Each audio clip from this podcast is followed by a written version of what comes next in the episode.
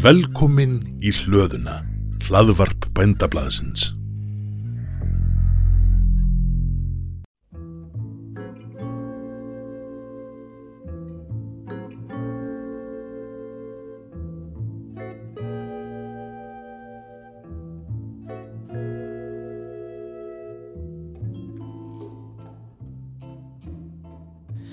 Þetta er þátturinn afstafa.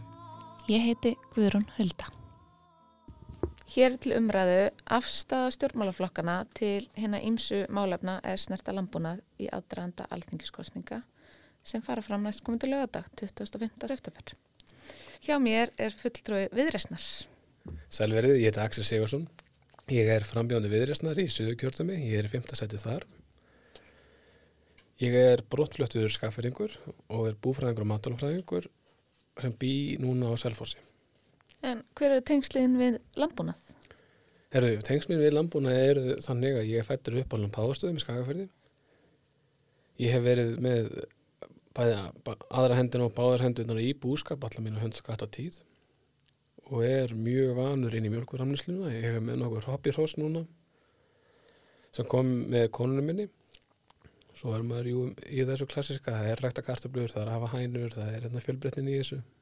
En ég er þá ekki lengur í, í fullblásnum landbúnaðar aðdunumveg.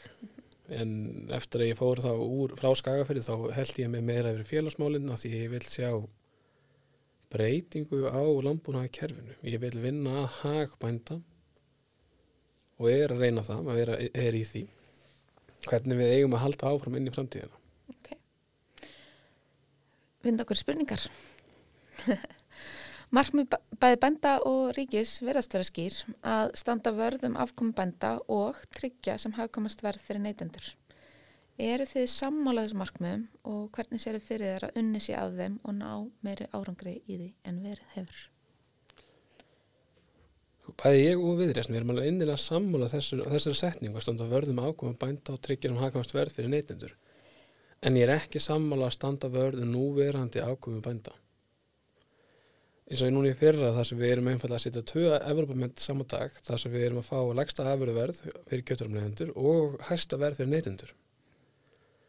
Það er ekki, ég ætla ekki og við, erum alltaf ekki að standa vörð um þess áttar fyrirkomulag. Það er óbóðlagt fyrir íslenska bændur og það er óbóðlagt fyrir íslenska neytendur. Við viljum breyta þessu og við ætlum að gera það það er markmiðum okkur, ætlum, hvernig ætlum við að gera það? Við ætlum að gera það með framsýni, við ætlum að gera það með auknum tækifærum fyrir bændu til að framlega fjölbreyttari og hagmaförum. Við ætlum að auka fjölbreytnina, við ætlum að auka einri samgefni og meðal bænda þannig að þeir geti farið að selja betur og nær til neytenda. Við ætlum að tryggja aukinn sveigileika til að mæta breyttum kröfum sem neytendur eru að kalla eftir. Við ætlum að aðstofa bændur í því hvernig þeir eiga að hjálpa sér að nálgast markaðin betur hvernig þeir geti svara kalli neytinda eftir breyttum landbúðanafjörðum. En hvaða leiðir séu þú til að bæta afkombænda? Þegar kemur um afkombænda þá er mitt eins og ég nefni hérna fyrr, það er að færa auðvölda bændum að hámarka sína eigin afkomu með aukinu vinslu, með auknum sveigileika í, reglu, með auknum sveigileika í framlöslu, með umföldinu í íslensku reglugjörðaverki Við, með auknum frelsi til að framlega fjölbreytta vöru, með aukinu framsinni inn í búuru samningana og með þessar fjölbreytni að því að fjölbreytni skiptir svo miklu máli. Að vera ekki að framlega, að vera með öll ekkinu sömu körfin, að hafa marga körfur undir. Alveg eins og þau eru að tala um skógin, við skórættinni. Þú vilt ekki að það sé bara einn trjátegund í skóginum. Þú vilt að það sé marga tegundir, alveg eins og aðdunulífunum. Þannig að þetta sé ekki bara að eitt sjúkdómur er eitthvað eitt sem getur felt allt rastlið. Þess vegna er fjölbreytni svo mikilvæg fyrir þetta og því að hún gefur okkur mikið viðnástól Þannig að bæta afkomum bænda með því að uh, auka, með því að uh, auka fjölbreytnina. Auka, auka fjölbreytni til lífsviðvaris Ok. Uh, Hvaða aðgerðum bændum í hag högst flokkurinn þinn beita sér fyrir á næsta kjörtumbili? Við viðrjumst allum að umbreyta búursamningunum úr þessa framlegslu tengingum og yfir í umhverjusvætni framlegslu Við ætlum að leggja aukna á auki fyrir til útiræktunar, bæði ofanjarðar og undir, bæði eins og kartiblu og gulrótum laug og kvíðlög að skipta máli. Við viljum leggja aukna áherslu á hringrásahagkjörfi og sjálfbarnana. Við viljum svo mikið meira fyrir renna í jarðrækta styrki.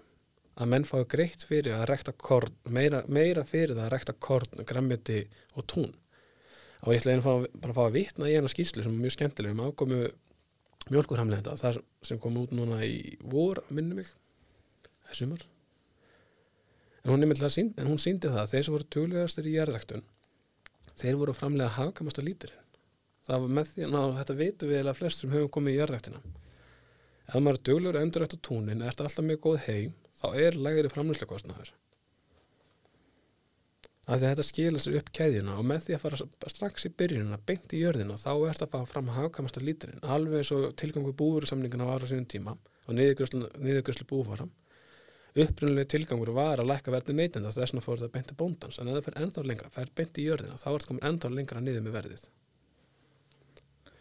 Við viljum leggja aukna áherslu á lífrannalambúnað ef verður bara sambandið með mjög háflegt markmið að fyrir 2030 að þeirra lambúnað verður á 25% lífrætt Ég held sjálfur persónulega að verði, þeir verði nær 15 til 18% sem er hlutvalli að lífrún lambuna því aðvallum hefnarskum. Við sjálf erum ein, undir 1% af okkar lífrún lambuna.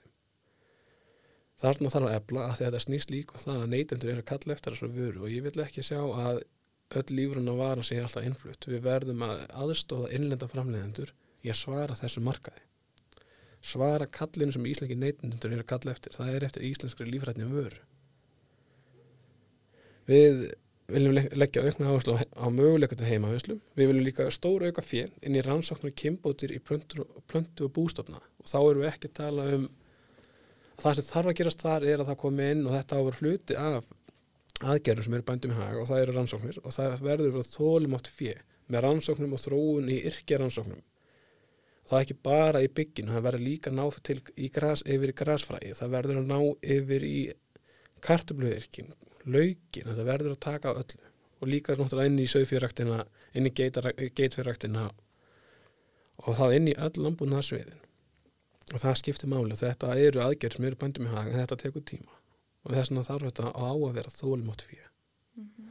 en svo langar við líka að skjóta inn í þegar við nefnum hvað aðgerðum við viljum ráðast í hvað aðgerið flokkurum vilja ráðast í hefur því að við reist að við verðum líka að fara að gera það aftur arðbært að framlega meira. Við þurfum að fara að sko, endur skoða verðlasgrundöldin sem að til dæmis mjölkuframlegaður starfa eftir. MS er ekki tapi á smjöri. Við erum framlega eitt besta smjör sem við getum fundið norðan Alpafjalla og við erum að tapa á því. Og við erum líka þegar við erum búin að múlbinda mjölkuframlegaðslunum okkar svona þannig að þú fara 20 krónur fyrir umfrimjölkina að borga sér ekki að þú ert að framlæði tapi og það er enginn að fara að framlæði neitt í tapi til lengri eða skemmira tíma og ekki bjóða upp á.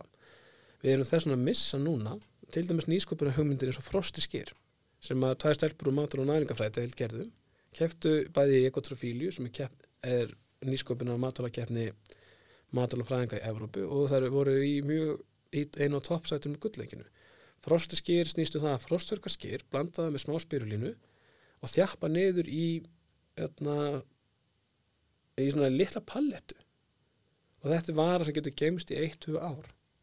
Og þetta hérna, e, e, þessi vara ég var, var að aðstofa þar við að skoða þetta fyrir innanlandsmarka að framlega hér heima.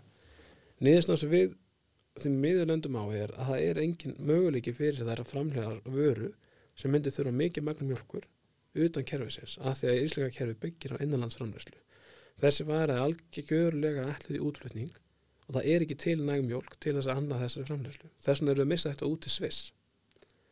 Stóru maturlafyrirtækin úti eru mjög, er mjög vakandi og þau taka alla svona hugmyndir og grýpa þær. Við missum þar. Alveg sem með allt og mikið öðru nýsköpunar og teknifyrirtækin, við missum þetta alltaf út. Hvernig á fyrirkomulag ofinbær stuðnings til landbúnaðar þá að vera hátað? Hann á í sjálfu sér að halda sér eins og hann kannski er í dag, bara við erum að tala um hagaraðingu á hvert fjöð er að fara áherslu flokkana, fjöð á upphæðin á ekki breytast, hún getur jafnvel aukist. En fjármagnir sem er að koma við viljum þá að við myndum vera að leggja meiri þunga á jarrættastyrkina og lífurnum framlýsluna og þessa umbreytingar og inn í, inn í, inn í þessa sjálfbærni hugssjón Hvernig á ríkið að styðja við umhverfi stefnu bænda? Við viðræst viljum, viljum fyrst að læra raungir annan kólundismarkað þannig að verði haggamt fyrir, fyrir fólk að binda, að vera óhaggamt að minga Við viljum, að, við viljum gera það þannig að það verði arðbært að gerast vistbóndi. Við viljum að þú getur fengið greitt fyrir að binda og getur, að þú getur selt frá þér. Eða einfallega að ríkið kaupið það af þér, þú ert að það með fasta upphæð.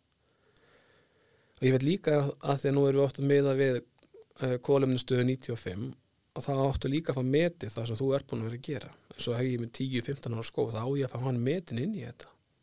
Það skiptir máli að því að við erum alltaf að stefna á okkur markmiði og það gildir líka fyrir endurhend votlendis og það gildir fyrir endurhend rísmólendis að þetta skiptir máli að við séum að vinna að þessu heildrænt, ekki bara fókusur á einni eða tvo hluti Ok, og þegar þú, minn, þegar þú segir vistbúndi, hvað áttu við? Vistbúndi, þetta er eiginlega koncept sem við erum að reyna að skapa í dag að bændur eru okkar mikilvægastu framlínum en þegar kemur að endurheimt votlendis þegar þetta er okkar mikilvægastu framlínum en þegar kemur að lífræðanum fjölbreytileika í náttúrunni. Að því að bændur eru vörslumenn íslenskra sveita á lands og náttúru. Þannig að við eigum og þeir eiga að fá geta fengið greitt fyrir að haft það sem valmöguleika að endurheimta markvist og fara í uppbyggingu á rýrum ólendi auki græslendi og treykt viðhaldi lífræðanum fjölbreytileika í íslenskra náttúru og verið þá vörslumenn náttúrunar og við viljum líka fá að styðja við rekstu sem dregur úr lósun og það eru bændur akkurat nummer 1 og 3 um, Hvernig sér þinn flokku fyrir sér að tryggja samkjæmnisæf rekstraskilirið bænda? eins og ég segði á þá er ég að tala þá eru við viðræðast að tala fyrir auknu jarðarstyrkjum það er stórt samkjæmnismáli upp á það að það er að tryggja ódyrri framlýslu með því að hafa betri hei, betri heiforða og korn.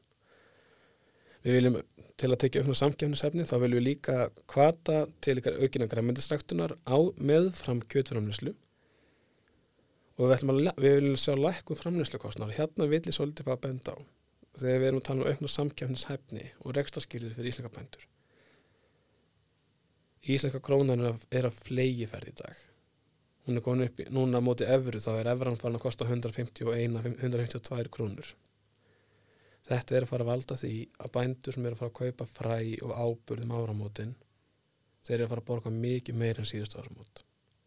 Það er áhugjefni. Plast og net er að fara líka flegi ferð. Byrgjarnir sem eru í þessu, þeir eru farin að vara við þessu. Bændutin eru að fara að taka á sig mjög þung gengisökk núna. Þess, og þetta kemur beint inn á rekstrahefni bænda.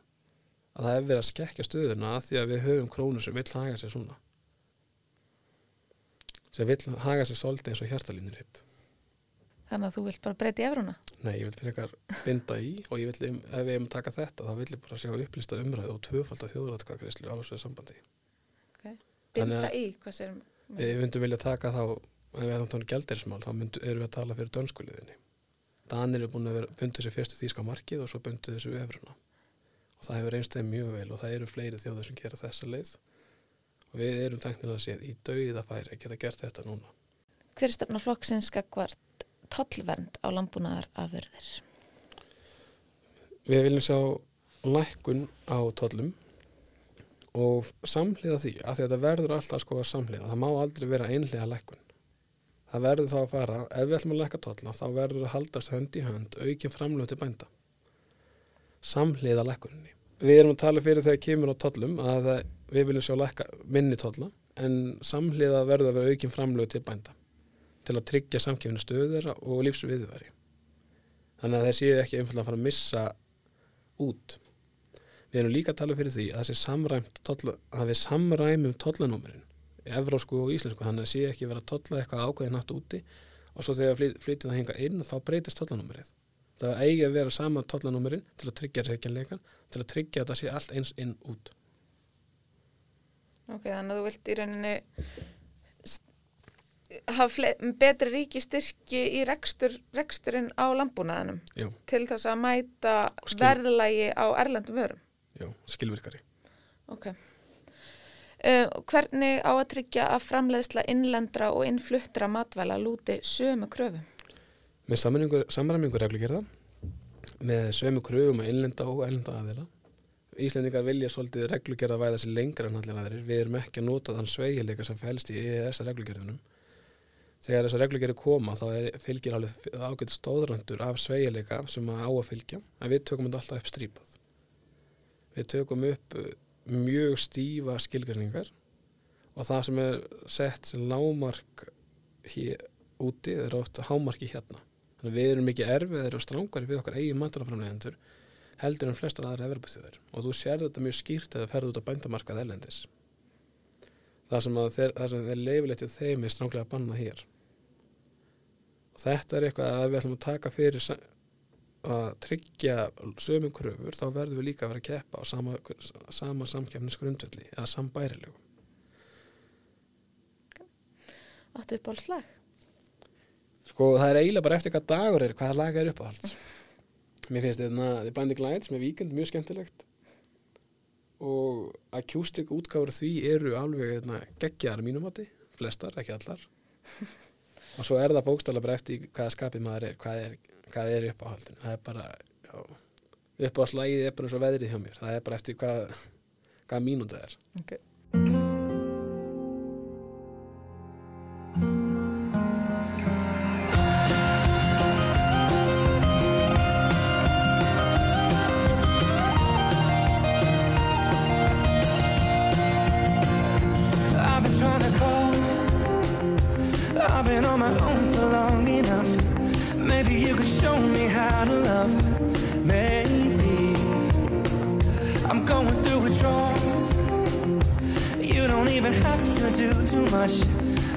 Turn me on with just a touch, baby.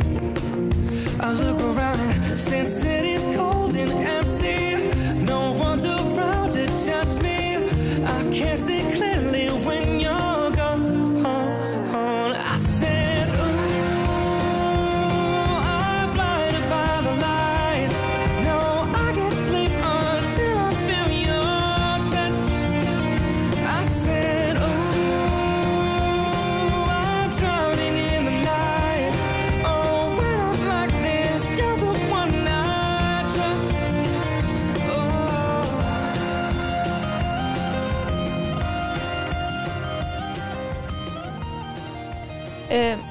áherslur mun flokkurinn beita sér fyrir við mótun landbúnaðarstefnu? Þegar kemur og það er óbærslega fegin og ánar að loksins 2020 og 2021 komi rektum Íslandskjalið. Það var löngu komið tíma á þetta. En það sem við ætlum sjálf að beita, beita okkur fyrir í stefninu fyrir Ísland, það er ringrúsahagkerfið, það er lofslags og umhverjasmál, það er aukið sjálfbarni. Og þegar það kemur sjálfbarni, við erum búin að tala um sjálfbarni frá alveg 1957 og eitt af það sem mér finnst svo skemmtilegt er að við erum eiginlega aldrei að tala til þess að sjálfbarni í kryddjúrstum að það er hægt og við eigum að mæta þar. Við eigum að tala fyrir við tölum fyrir landnýtingu við við restum, við viljum efla, efla jarðarrekt við viljum efla kornræktana, við viljum efla nýsköpun og tækni, nýsköpun og tækni á ekki að vera eitthvað stundagaman þegar illa gengur, þetta á að vera okkar og þetta er einmitt innbyggt í okkar DNA í flokkunum, það er nýsköpunin og það er þróunin og vöruþróun og tækni. Og við ætlum að líka setja inn í, inn í landbúnastefnun og það er byggðastefnan.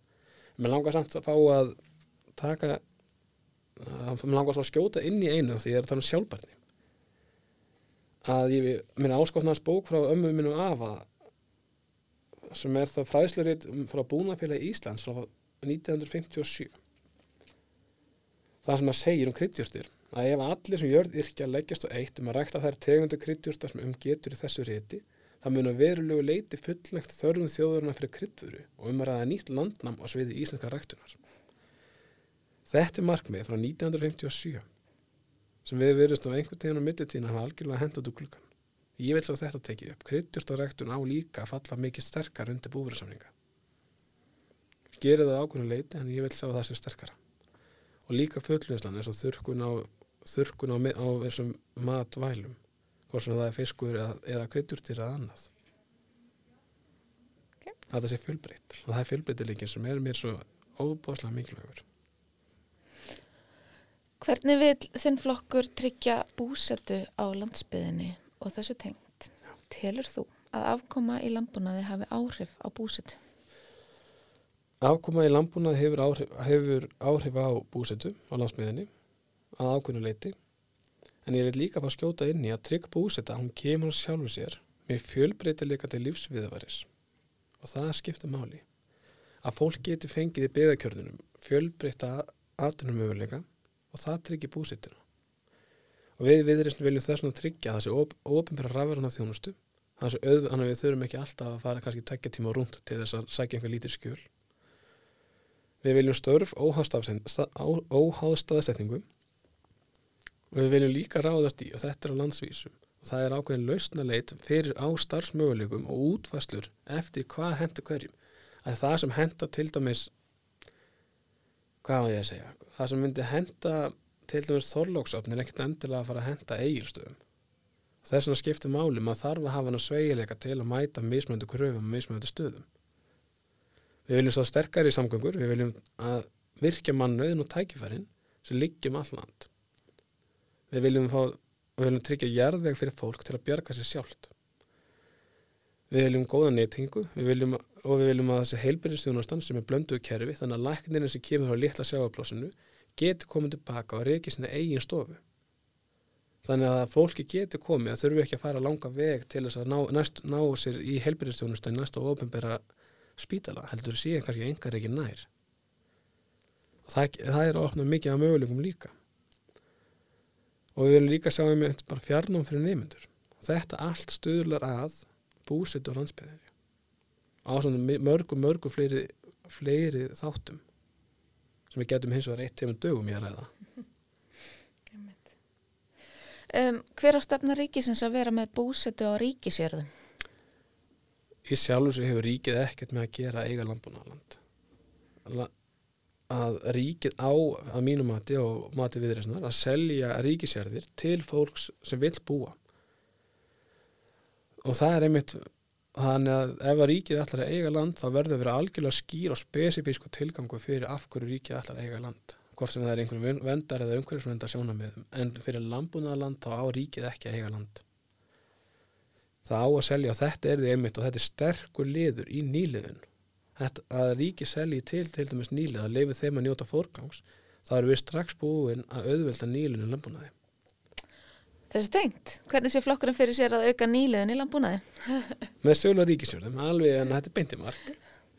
Ég myndi líka segja að við hefum að vika, vika, vika hvað búur samningarna taka yfir. Þannig að fólk sem er að koma undir þessu fótum, en ég ætla að fá að skjóta inn í varðandi sögulega ríkisjörðum, að ríkið verður að passa sig þegar það er seljið til nýla, það má ekki verðleika sig það hátt að það verði, bara, verði blóðtaka fyrir fólk sem er að kaupa, kaupa jarðir. Ríki verður svolítið að það verður að fylgja sinni eigin stefnu um nýliðun og þá selja ríkisjærðir á eðlilegu og sangjörnum verði til nýliða. Þannig að við séum ekki bara að gera það dýran pening að það geti engir farið í þetta. Ég sjálf sér fyrir mér að með, með sögulega ríkisjörðum og aukinni heimavinslu þá getur fólk komið og haft byrja smátt og svo hægt og hægt byggt upp jörðina að því að uppbygging á jörðum er langklöp. Þetta er ekki marathón og má ekki vera marathón. Annars ertu einfalda að fara að sprengja bæði sjálfaði og bankareikningin í þessu í vakstaháu í Íslandi Um, við erum framtíðina hvernig sé flokkurinn fyrir sér að styðja við tæknivæðingu í landbúnaði? Við sjáum, við sjáum það gerast með auknar rannsóknum við sjáum það með auknar gagnalæsi og við sjáum það með aukinni fagþekking og ráðgjöf inn til bænda mm. þegar það kemur á landbúnaði Hver er afstæða flokksins til landbúnaðarannsókna? það þarf að styrkja. En ég vil líka sjá landbúnaðaransóknir og við viðreysn viljum sjá það gerast. Landbúnaðaransóknir eiga ekki bara heima í einni stofnun. Þetta er, það eru svo, fjöl, svo fjölbreyttar, það eru svo margar og það er að taka á svo mörgum hlutum. Landbúnaðar eru allstaðar. Ég vil sjá, ég vil fá livjafræðingarna nær, ég vil fá matal- og næringafræðadeild meira inn í landbúnaðaransóknar. Ég vil fara að sjá aukna hagnýting á lúpínu og mjæðurt.